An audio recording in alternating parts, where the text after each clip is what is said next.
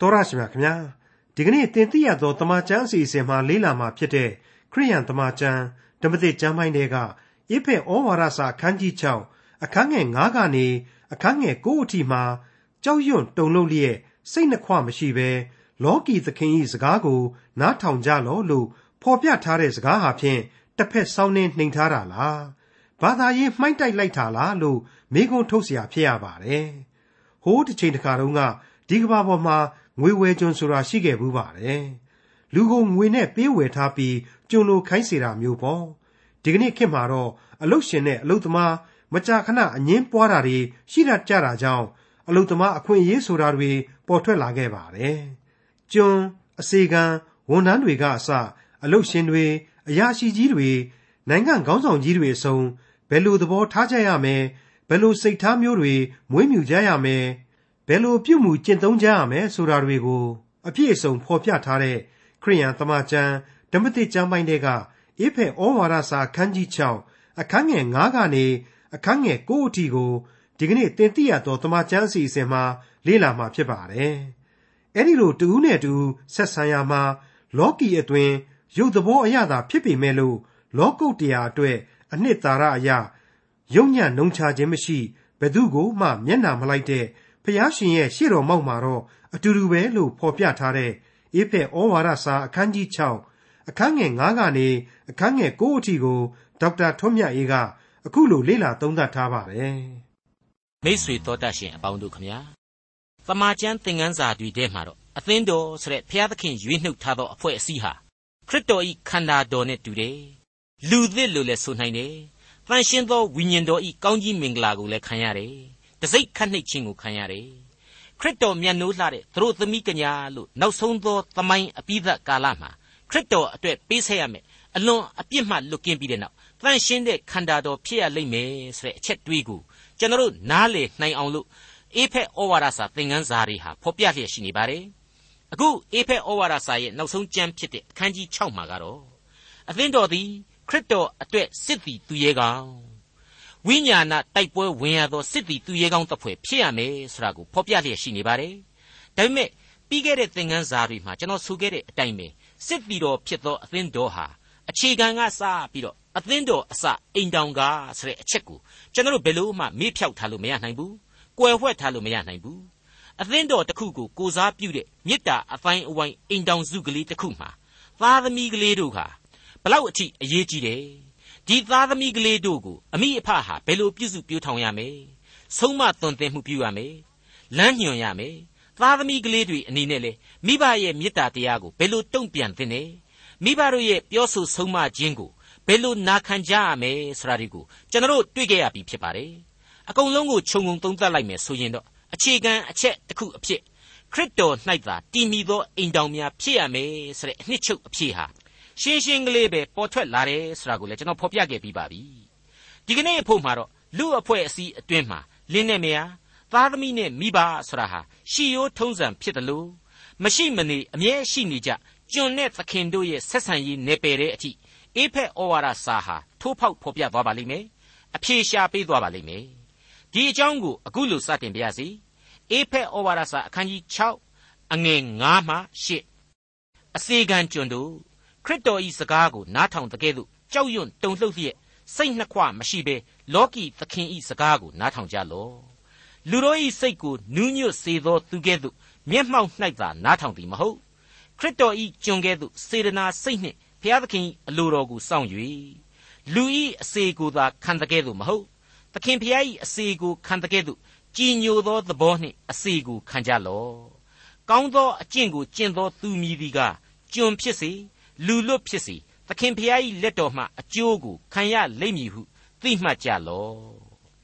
သားသမီးကလေးတွေကိုမိဘစကားကိုနားထောင်ကြစေဆရာဟာသေချာစဉ်းစားကြည့်ရင်လက်ခုပ်များနှစ်ဖက်တီးတယ်လို့ခရစ်တော်စကားကိုနားထောင်တဲ့မိဘတွေအတွက်သာပို့ပြီးတော့အတိတ်ပဲရှိနိုင်ပါတယ်။ဩဇာလေးနဲ့နိုင်ပါတယ်။ဒါမှလည်းအဲ့ဒီလိုနားထောင်ခြင်းဆိုတာဟာခရစ်တော်ရဲ့စကားကိုပါကလေးလေးတွေဟာနားထောင်ရရောက်မယ်မဟုတ်ဘူးလား။ အခုဆိုရင်အစေခံကျွန်းဆိုတဲ့အလုသမားလောကရဲ့လိုအပ်ချက်ကိုနှုတ်ကပတ်တော်ဟာဆက်လက်ရှင်းလင်းပေးလိုက်ပြန်ပါပြီ။အစေခံကျွန်းအပေါင်းတို့ခရစ်တော်ရဲ့စကားကိုနားထောင်စိတ်ထဲမှာဘာမှဟိုဟိုဒီဒီတန်တရားမထားပဲနဲ့ကြောက်ရွံ့ယူသေးတဲ့စိတ်နဲ့လောကမှာဘုရားသခင်ချထားပေးတဲ့မင်းတို့သခင်အလုရှင်တွေနဲ့အထက်လူကြီးတွေရဲ့ဩဇာကိုနာခံကြလိုက်လျှောက်ကြတဲ့မရှင်းဘူးလားအပိုင်းကအနေနဲ့ကျွန်တော်ဒီအပိုင်းမှာ အခုခေတ်ရဲ့အမြင်ကိုစတင်တင်ပြခြင်းပါတယ်အခုခေတ်အနေနဲ့ဒီလိုအလုရှင်သခင်နဲ့အစီကံကျွန်းဆရာဟာအိမ်တောင်အဖွဲ့အစည်းမှာအစီကံများထားရသူများအဖို့ရှိသလိုစီးပွားရေးအလုတ်အကင်နေပယ်မှာလည်းရှိနေပါတယ်အလုရှင်သခင်နဲ့အစီကံကျွန်းရဲ့သဘောကိုပြောတာပါတိုင်းပြည်ရဲ့အုပ်ချုပ်ရေးရန်တရားမှာလည်းရှိပါတယ်လူမှုရေးလုပ်ငန်းတွေမှာလည်းရှိမြဲပဲဖြစ်ပါတယ်ကျောင်းတွေမှာရှိပါတယ်ဈေးမှာရှိပါတယ်ဆေးရုံတွေမှာလည်းဒီအတိုင်းပါပဲ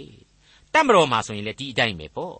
အဆင့်အဆင့်သောအရာရှိတို့မှလည်းသူ့အထက်နောက်အထက်ဆက်လက်ပြီးတဖြည်းဖြည်းမြင့်မြင့်သွားပြီးတော့နောက်ဆုံးကျတော့တိုင်းပြည်အထွတ်ထိပ်ကြည့်အစေခံရတဲ့သဘောတရားဟာရှိစမြဲပါဟုတ်ပါတယ်လူသားတိုင်းဟာအလုတ်လုတ်ကြရတယ်မဟုတ်ဘူးလားနောက်ဆုံးရှင်ဘရင်နဲ့အာနာပိုင်တွေဟာတောင်မှတစ်ဖျားသခင်ရဲ့ကျွန်များဖြစ်ရလိမ့်မယ်နှစ်တိုင်းပြည်ရဲ့ကျွန်များလည်းဖြစ်ရလိမ့်မယ်ဆိုတာကိုကျွန်တော်ပြီးခဲ့တဲ့သင်ခန်းစာတွေမှာဖော်ပြခဲ့ပြီးဖြစ်ပါတယ် အခုအေဖက်ဩဝါဒစာကိုရေးသားနေတဲ့အချိန်ကလူအဖွဲ့အစည်းနဲ့ပေါလုခေရဲ့ကဘာမှာကတော့အစေခံကျွန်တဲ့သခင်ဆိုတဲ့ဝေါ်ဟာရဟာဘာမှဆန်းပြတဲ့ခွဲခြားမှုမဟုတ်ဖ ೇನೆ တိတိကျကျပိုင်းခြားထားတဲ့လူအဆင့်အတန်းကြီးနှစ်ခုမို့လို့ပို့ပြီးတော့ရှင်းလင်းစွာနားလည်နိုင်ပါတယ်နားလည်နိုင်အောင်လို့လေအပိုင်းခအဖြစ်နောက်ပိုင်းမှာကျွန်တော်တတ်သက်ဖော်ပြခြင်းပါတယ်မိษွေအပေါင်းတို့ခမညာအခုအခန်းကြီး6အငယ်9ကစပြီးတွေ့ရတဲ့ကျွန်များသခင်ရဲ့စကားကိုနားထောင်ကြစီဆိုတာကို အခန်းကြီး9အငယ်21ကလေးကလေပြိုးခဲ့ပြီးသားဖြစ်တယ်လို့ကျွန်တော်ခံယူပါတယ်အဲ့ဒီမှာဖော်ပြထားတာကတော့ခရစ်တော်ကိုခံရသောအဖြစ်အချင်းချင်းတယောက်အောက်တယောက်ကိုကိုနှိမ်ချလျက်နေကြလောဆိုပြီးတော့ရှင်ပေါလုစကဦးသန်းငယ်ခြင်းပဲဖြစ်ပါတယ်လူတို့ရဲ့စိတ်ကိုနူးညွတ်စေသောသူကဲ့သို့မျက်မှောက်၌သာနားထောင်သည်မဟုတ်တဲ့အဲ့ဒါဟာမျက်နှလို့အားရမဟုတ်သင့်ဘူး ဟန်ဆောင်ပန်ဆောင်မဟုတ်ရဘူးဝတ်ကြည်တန်းကြည်မဖြစ်သင့်ဘူးဆိုတဲ့သဘောကိုဖော်ပြခြင်းပါရှေ့တစ်မျိုးကွယ်ရာတစ်မျိုးလည်းမဖြစ်စေရဘူးလို့ဆိုခြင်းပါတယ်ခရစ်တော်ဤကျွန်ကဲ့သို့စေတနာစိတ်နှင့်ဘုရားသခင်အလိုတော်ကိုစောင့်၍တဲ့ဒီအပိုင်းဟာအလွန်ကြည်နူးနှစ်သိမ့်ပွဲဩဝါဒဖြစ်ပြီးတော့ကျွန်တော်ယုံကြည်သူအဖွဲ့အစည်းအများစုအတွင်းမှာလက်တွေ့ကျင့်ဆောင်နေတယ်လို့လည်းကျွန်တော်ကချီးမွမ်းထောမနာပြုခြင်းပါတယ်ကျွန်တော်ခရိယန်နှစ်ချင်းအသင်းချုပ်နဲ့မြန်မာနိုင်ငံခရိယန်ကောင်စီ YMCA YWCA စတဲ့အဖွဲ့အစည်းကြီးတွေမှာခေါင်းဆောင်အကြီးအကဲတွေရဲ့လက်အောက်ခံအလုသမားတွေရဲ့ဟာအတူတူစုပေါင်းပြီးတော့အပတ်စဉ်မှတ်မှန်အလုခွင်အတွင်းမှာဖျားရှိခိုးကြတယ်စုတောင်းကြတယ်အလုသမားတွေကိုလည်းအဲ့ဒီအချိန်မျိုးတွေမှာရသင့်ရလိုက်တဲ့ငွေကြေးများပေးတတ်တယ်ဆိုတာကိုတွေ့ရတော့ဒါဟာကျေးဇူးတော်ကိုချီးမွမ်းခြင်းဝေမျှခံစားခြင်းအလုအတွက်ခွန်အားရယူခြင်းတစ်မျိုးပဲဖြစ်တယ်ဖျားသခင်ရဲ့ဘုန်းတော်ကိုထင်ရှားစေခြင်းပဲလို့ကျွန်တော်ခံယူပါတယ် ကောင်းမြတ်မှန်ကန်သောအစဉ်အလာလို့လည်းကျွန်တော်မြင်မိပါတယ်မိတ်ဆွေအပေါင်းတို့ခမညာပေါလုခေတ်ကာလကကျွန်စနစ်ပုံစံကတော့ကြာပွတ်နဲ့ရိုက်တဲ့ငွေဝယ်ကျွန်ပုံစံလို့ကျွန်တော်ခံယူစဉ်းစားကြည့်ကြပါစို့ဒီအပိုင်းမှာတော့စောစောပိုင်းအပိုင်းကမှာတုန်းကတဲ့ပို့ပြီးတော့ကြမ်းကြုတ်တဲ့သခင်နဲ့အစေခံကျွန်တို့ရဲ့အကြောင်းမို့လို့အပိုင်းခအနေနဲ့ကျွန်တော်ဆက်လက်ဖော်ပြသွားမှာဖြစ်ပါတယ်ကမ္ဘာသမိုင်းစာမျက်နှာတွေကိုပြန်ပြီးလှန်လို့ကြည့်လိုက်မယ်ဆိုရင် ယောမအာနာရှင်ခေတ်အတွင်းမှာ empire ရဲ့တဝက်လောက်ဟာကျွန်စနစ်အောက်မှာရှိခဲ့ပါတယ်။ဒါတဲ့ပိုပြီးသာများရင်များမယ်မနှဲခဲ့ပါဘူး။ဒါပေမဲ့ယုံကြည်သူတို့ရဲ့အသင်းတော်ဟာကျွန်တွေကိုတခါမှသဘုံထဖို့ဆိုပြီးတော့မြှောက်မပေးခဲ့ပါဘူး။အစေခံခြင်းဆိုတာဟာခရိယန်တွေရဲ့အလုပ်ဖြစ်တယ်လို့သူတို့ခံယူခဲ့ကြပါတယ်။ဒါဟာခရစ်တော်လိုလားတဲ့စိတ်ဓာတ်ခရစ်တော်နှစ်သက်မြတ်နိုးတဲ့စိတ်ဓာတ်မှန်သူတို့နားလေခဲ့ကြလို့ပဲဆိုပြီးတော့ကျွန်တော်ဆိုချင်ပါတယ်။ အခုအေဖက်ဩဝါဒစာသင်ခန်းစာဟာလေဒါကိုပဲမိမောင်းထိုးဖော်ပြနေပါတယ်အဲ့ဒီလိုကျွန်စနစ်ဆိုးကြီးကိုအသင်းတော်ဟာနှိမ့်ချစွာရင်ဆိုင်ခဲ့တယ်ဆိုပေမဲ့လူလူချင်းဂုတ်သွေးဆုပ်တာတွေခေါင်းပုံဖြတ်တာတွေကိုဘုရားသခင်ဘယ်တော့မှမကြိုက်ပါဘူးဘာနဖူးတောင်တိုက်တူးတတ်တဲ့လောဘစိတ်ကိုမကြိုက်ဘူးဆိုတာဟာရှင်းလင်းပြတ်သားစွာနဲ့နှုတ်ကပတ်တော်မှာဖော်ပြလျက်ရှိနေပါတယ်။ဘာဖြစ်လို့လဲဆိုတော့ခရိယန်တို့ရဲ့အဲ့ဒီလိုနှိမ့်ချခြင်းအစေခံခြင်းတို့ကိုယ်တိုင်ဟာလက်နဲ့ကင်တော်လှန်ရေးတဲ့ပို့ပြီးတော့ထိရောက်စွာနဲ့ ကျွန်စနစ်ကြီးကိုပယ်ဖြတ်ပစ်နိုင်ခဲ့တယ်။တရားမျှတခြင်းအရှင်းမရှိတဲ့လူအဖွဲ့အစည်းကိုနှောင်းပိုင်းကာလမှာပြောင်းလဲစေခဲ့တယ်ဆိုတာကိုအဆုံးသတ်အဖြေအဖြစ်တွေ့ရလို့ပါပဲ။အခုကျမ်းစာကိုတေချာကြည့်ရင်လောကီသခင်ဤစကားကိုနားထောင်ကြလောဆရာဟာအရေးတကြီးစဉ်းစားเสียရှိလာပါတယ် servants be obedient to your masters according to the flesh ဆိုပြီးတော့တွေ့ရတော့ဒါဟာအသွေးအသားအရသာကျွန်ခံရတာ ဝိညာဉ်သဘောအရာကျွန်ခံရတာမဟုတ်ဘူးဆိုတာကိုပြတ်သားစွာကျွန်တော်တို့တွေ့လာရပါတယ်လောကီသခင်တဲ့ဟုတ်ပါတယ်ရုပ်သဘောအရာသာကျွန်ခံရခြင်းဖြစ်ပါတယ်ဝိညာဉ်ရေးအရာကျွန်ခံရတာအရှင်းမဟုတ်ပါဘူးမိษွေတော်တတ်ရှင်အပေါင်းတို့ခမညာဆိုးရွားတဲ့ကျွန်စနစ်အချိန်ကာလမှာရေးသားခဲ့တဲ့အေဖက်ဩဝါဒစာဟာအဲ့ဒီခေတ်ကာလယုံကြည်သူတွေအပေါ်မှာဝိညာဉ်ခွန်အားတွေဘလောက်များပွားများစေခဲ့လိမ့်မလဲဆိုတာကိုစဉ်းစားရင်းနဲ့ နှုတ်ကပတ်တော်ရဲ့ဂုံကျေးဇူးတော်ကိုကျွန်တော်အထူးပဲချီးမွမ်းထောမနာပြုမိပါတယ်အခုခေတ်ကျွန်တော်ရဲ့လူအဖွဲ့အစည်းဖို့လေဒီဩဝါဒစာဟာဆက်လက်ပြီးတော့ဩဇာတက်ရောက်စေတယ်အကျိုးကျေးဇူးရှိစေတယ်အရှိန်ပြင်းထန်စွာနဲ့ဝိညာဉ်ရေးအကျိုးကျေးဇူးများဖြစ်ပွားလာစေလိမ့်မယ်လို့ကျွန်တော်ယုံကြည်မိပါတယ်ကောင်းပြီရှေးခေတ်အမြင်နဲ့ပဲဖြစ်ဖြစ်အခုခေတ်အမြင်နဲ့ပဲဖြစ်ဖြစ်လူသားဟာကိုယ့်ကိုလူအချင်းချင်းချဲလှယ်နိုင်သူလူအချင်းချင်းအထက်မှစိုးမိုးသူအပေါ်မှာစကားကိုနားထောင်ရမယ် စေတနာစိတ်နဲ့အလုပ်အကျွေးပြုရမယ်ဆိုတဲ့အချက်တွေဟာတစ်ဖက်စောင်းနှင်းနှိမ်ထားတာလားဘာသာရေးမှိုင်းတိုက်လိုက်တာလားဆိုပြီးတော့မေးเสียရှိလာပါတယ်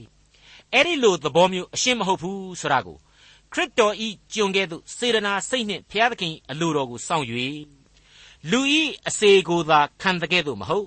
သခင်ဘုရားဤအစေကိုခံတကဲ့သို့ကြည်ညိုသောသဘောနှင့်ဆိုတဲ့အချက်ကဖွင့်ပေးလိုက်ပါတယ်ဖွင့်ပြလိုက်ပါတယ် ဒီလိုလောကမှာအစေခံခြင်းဟာလေဝိညာဉ်ရေးအနှစ်သာရအရာယုံညံ့ခြင်းမရှိနှုံချခြင်းမရှိဆိုတဲ့အချက်ပေါ်လာပါတယ်ဒီတော့လူအချင်းချင်းအစေခံရမှာအလုတ်လုတ်ရမှာတိခရစ်တော်ကိုခံရခြင်းအပြင်နှိမ်ချစိတ်မွေးမြူရမယ်ဆိုတာကိုအေဖက်ဩဝါဒစာအခန်းကြီး9အငယ်27ကဖော်ပြခဲ့ပါတယ်နှစ်စိတ်ဝိညာဉ်အပြင်ကျွန်ခံခြင်းမဟုတ်လောကီရေးတာဝန်တရက်အနေနဲ့သာသဘောထားရမယ်ဆိုတာကို အေဖက်ဩဝါဒစာအခန်းကြီး6အငယ်9ဟာဖော်ပြခဲ့ပါတယ်3အဲ့ဒီလောကီရေးတာဝန်ကိုဘုရားသခင်အလိုတော်အဖြစ်သဘောထားခံယူပြီးတဲ့နောက်ကြည်ကြည်ဖြူဖြူရှိကြရမယ်ဆိုတာကိုအခုအငယ်ခုနှစ်ဟာဆက်လက်ဖော်ပြလိုက်ပါတယ်တဲ့ပို့ပြီးတော့အဲ့ဒီလိုလူအချင်းချင်းအစေခံခြင်းဟာဘလောက်အထိအတိတ်ပဲရှိနေပြန်တယ်ဆိုတာကိုတော့အခုလိုဖော်ပြလိုက်ပါတယ်ကောင်းသောအကျင့်ကိုကျင့်သောသူမြည်သည်ကကျွန်ဖြစ်စေလူလွတ်ဖြစ်စေ သခင်ဖျား၏လက်တော်မှအကျိုးကိုခံရလိမ့်မည်ဟုသိမှတ်ကြလော့တဲ့ဘလောက်ကောင်းလဲယောမခေတ်မှာကျွန်လူဒန်းစားဟာတတ်တတ်ရှိပါတယ် empire ရဲ့တဝက်တောင်မကနိုင်ဘူးလို့ကျွန်တော်အထက်ကရှင်းပြခဲ့ပြီးပါပြီအဲ့ဒီတော့ကျွန်မဟုတ်တဲ့လူကတဝက်ပဲထားပါဦးအနှိမ်ခံကျွန်သာမဟုတ်ရင်နေရမယ်အဲ့ဒီလူတွေဟာယောမအာနာစက်အောက်မှာတော့ရှိနေရမှာအမှန်ပါပဲကျွန်တစိတ်ခတ်နှိတ်ခြင်းမခံရသောအခြားနေပယ်အသီးသီးမှအလုသမားအများစု ကုံတယ်ပွဲစားလက်လုတ်လက်စားစားတဲ့လူဒန်းစားကိုလူလို့လို့တမန်တော်ကြီးကသတ်မှတ်ဖော်ပြလိုက်တာဖြစ်ပါတယ်အဲ့ဒီအထဲမှာမှသခင်အဆင့်ရှိတဲ့လူတွေလည်းပါဝင်မှာကတော့အသေးအချာဘဲလို့လည်းတွက်ဆနိုင်ပါလိမ့်မယ်ဒီတော့အထက်ကဖော်ပြခဲ့တဲ့1ခရစ်တော်ကိုခံရ၍နှိမ်ချခြင်း2လောကတာဝန်ကိုကြည်ပြွန်ခြင်း3အလိုတော်ကိုဝန်ခံ၍ကြည်ညိုသရာစိတ်ရှိခြင်းဆရာတွေကိုသာကျင့်ဆောင်ကျွန်ဟုတ်ဟုတ်မဟုတ်ဟုတ် သခင်ဖျားကြီးလက်တော်မှအကျိုးကျေးဇူးကိုခံစားရလိမ့်မယ်တဲ့အေဖက်ဩဝါဒစာဒါကိုဖော်ပြလိုက်ပါတယ်ဟုတ်ပါတယ်အဲ့ဒါကတော့လောကီလောကုတ်တရားနှစ်ဖြာသောစုကျေးဇူးဆိုတာရှင်းနေပါတယ်အဲ့ဒါကတော့အပြစ်တရားမှလွတ်မြောက်ခြင်းဆိုတဲ့အေယာမကျေးဇူးတော်ဖြစ်ပါတယ်ရှင်ယောဟန်ခရစ်ဝင်ကျမ်းအခန်းကြီး၈အငယ်35နဲ့36မှာဒုစရိုက်ကိုပြုသမျှသောသူတို့သည်ဒုစရိုက်ဤကျွန်ဖြစ်ကြ၏ကျွန်သည်ကအိမ်၌အမြဲနေသည်မဟုတ် သားမူကားအစဉ်အမြဲနေ၏ထို့ကြောင့်သားသည်သင်တို့ကိုလွတ်လျင်သင်တို့သည်ဧကံအမှန်လွတ်ကြလိမ့်မည်တဲ့တနည်းအားဖြင့်ကယ်တင်ရှင်သခင်ခရစ်တော်ဟာအပြစ်လွတ်ပိုင်ခွင့်ရှိတယ်အပြစ်ဒုစရိုက်ရဲ့နွန်အောက်မှာကျွန်အဖြစ်ခံစားနေရတဲ့လူသားတိုင်းဟာကယ်တင်ရှင်သခင်ခရစ်တော်အားဖြင့်အပြစ်မှလွတ်မြောက်နိုင်ခွင့်ရှိတယ်လောကရန်သေခြင်းဆင်းရဲကိုလွတ်ကင်းပြီးတော့သာဝရအသက်လန်းကောင်းကင်အမွေကိုရယူနိုင်တယ်ဆိုတာကိုဖော်ပြလိုက်တာပါ မိတ်ဆွေအပေါင်းတို့ခမညာကျွန်ဆိုတဲ့ဝေါ်ဟာရရဲ့အနဲ့ဟာဘလောက်အထိကျေပြန့်တယ်ဆိုတာကိုကျွန်တော်တစ်ချိန်ကပြောခဲ့ပူပါတယ်ဟေ့ငါကတော့ယေရှုရဲ့ကျွန်ကိုဖျားသခင်ရဲ့ကျွန်ကိုဘာကျွန်မှမဖြစ်ချင်ဘူးကျွန်ဆိုတာဟာဘု து ကျွန်ပဲဖြစ်ဖြစ်အောက်တန်းနောက်တန်းကြာနေတာပဲတခုမှမကောင်းဘူးဘု து ကျွန်မှလည်းမခံနိုင်ဘူးဆိုတော့ဟန်ရေးပြတဲ့လူတစ်ယောက်ရဲ့အကြောင်းကိုကျွန်တော်ပြောခဲ့ပူပါတယ်အဲ့ဒီလိုငါကတော့ဘု து ရဲ့ကျွန်မှမခံနိုင်ဘူးဟေးဆိုတဲ့လူကိုကြံတဲ့လူတစ်ယောက်ကနားကလောတာနဲ့ပဲထပြီးတော့ ဒီမှာဒီမှာခမည်းကကျွန်မဖြစ်ချင်ဘူးဆိုတော့သခင်ကောဖြစ်နိုင်လို့လားကျွန်တော်သိသေးရတော့ခမည်းအရေးအချင်းနဲ့ခမည်းသာဆိုရင်လေခမည်းအိမ်ကပါလီယာခွေးကြီးနှစ်ကောင်ရဲ့သခင်ကလွှဲပြီးတော့ခမည်းဘာသခင်မှမဖြစ်နိုင်ဘူးဆိုပြီးပြောတယ်အဲ့တော့ဟိုလူကလေဒါနဲ့ခမရရောနေပါအောင်သခင်မို့လို့လားဆိုပြီးတော့မေးတဲ့အဲ့ဒီမှာဒီလူကမဆိုးဘူးအတွေးအခေါ်ရှိတယ်ထင်ပါတယ်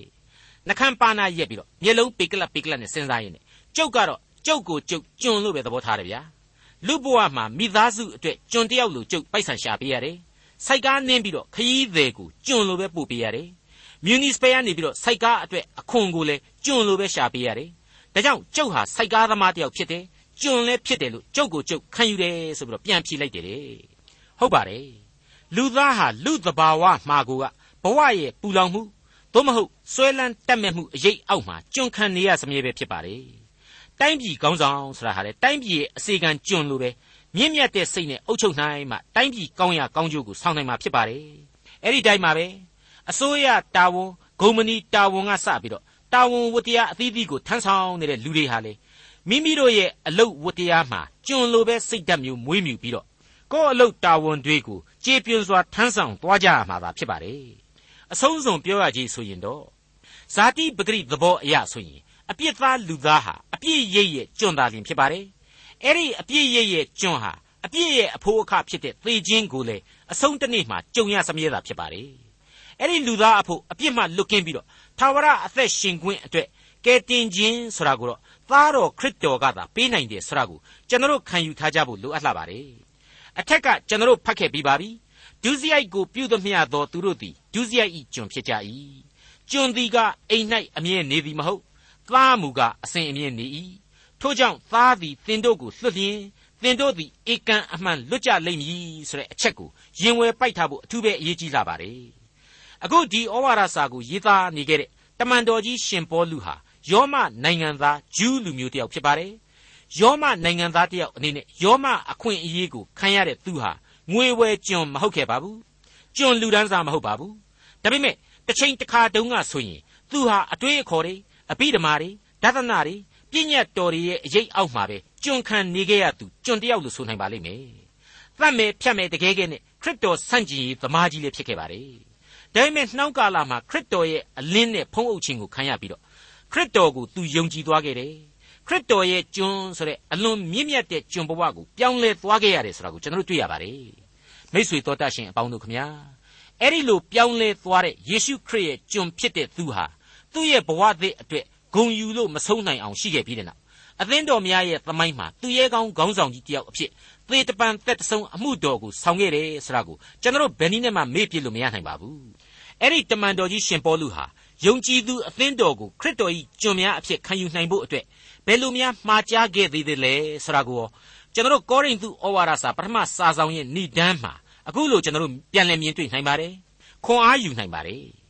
ဖျားသခင်၏အလိုတော်အားဖြင့်ယေရှုခရစ်တမန်တော်အရာ၌ခံထားသောငါပေါလုနှင့်ငါညီတုတ်တင်သည်ယေရှုခရစ်အားဖြင့်အပြစ်နှင့်ကင်းစင်၍တန်ရှင်းသူအရာ၌ခံထားသောသူကြီးဟုသောကောရိန္သုမြို့၌ရှိသောဖျားသခင်အသင်းတော်မှစ၍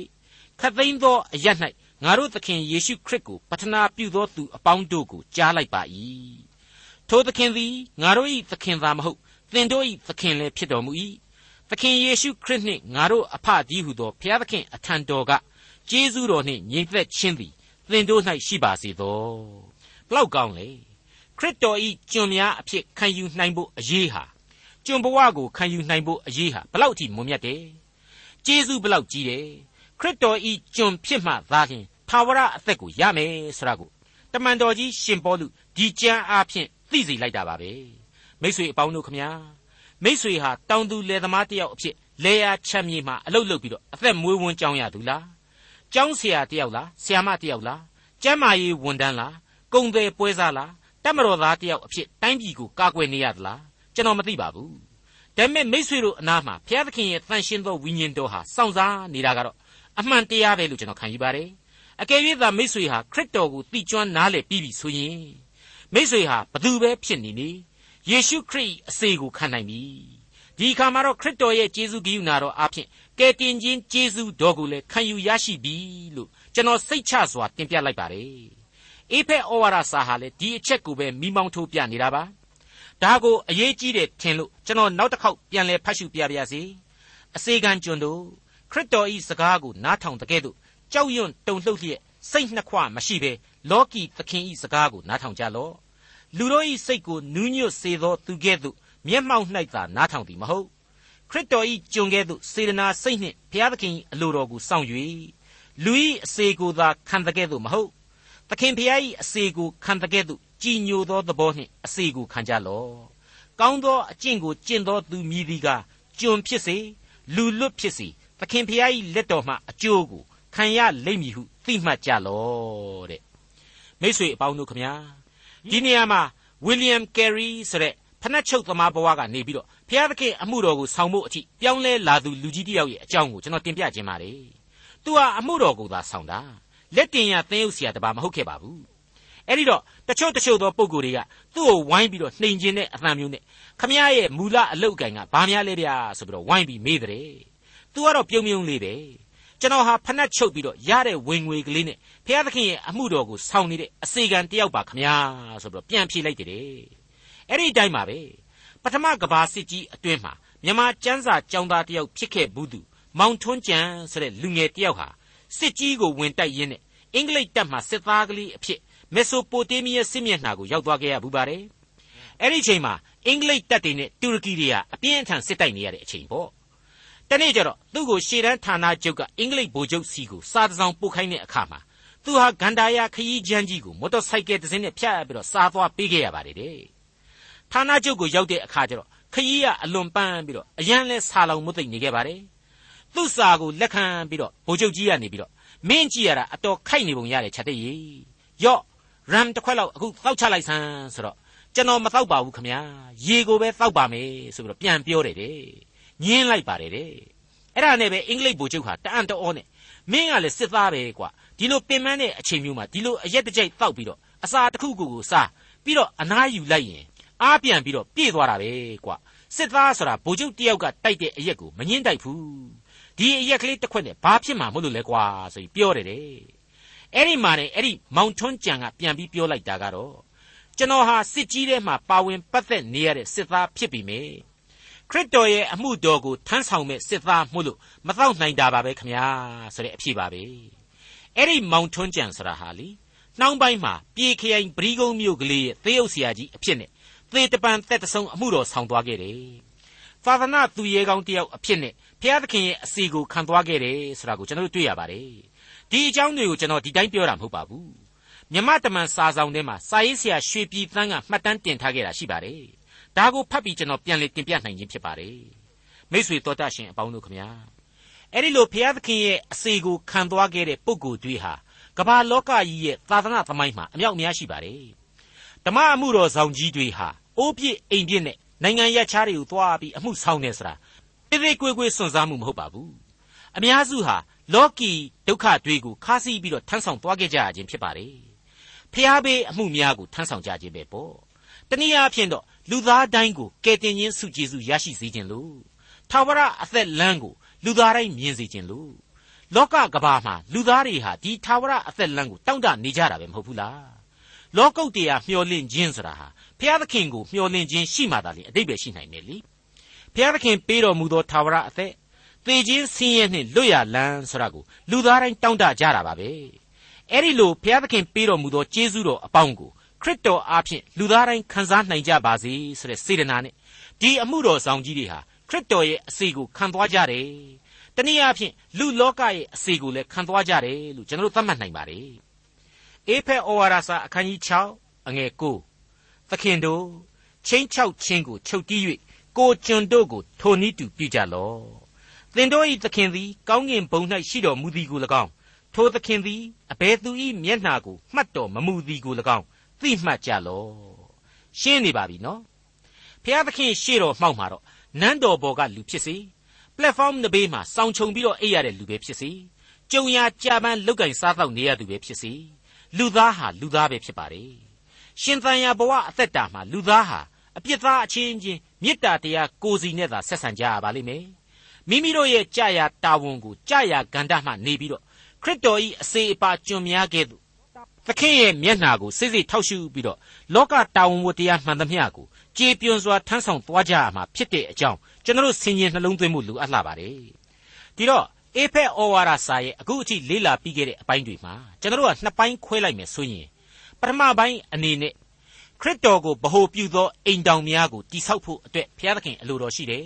။ဘုရားသခင်ရဲ့မျက်နှာတော်ကိုစစ်စစ်ထောက်ရှုပြီးတော့ကယ်တင်ရှင်သခင်ခရစ်တော်၏အစေခံကျွန်များဖြစ်ဖို့ရန်အတွက် လူသားများကိုဘုရားသခင်အလိုတော်ရှိတယ်ဆိုတဲ့အချက်တွေကပေါ်လာပါတယ်။တနည်းအားဖြင့်ကတော့ဘုရားသခင်၌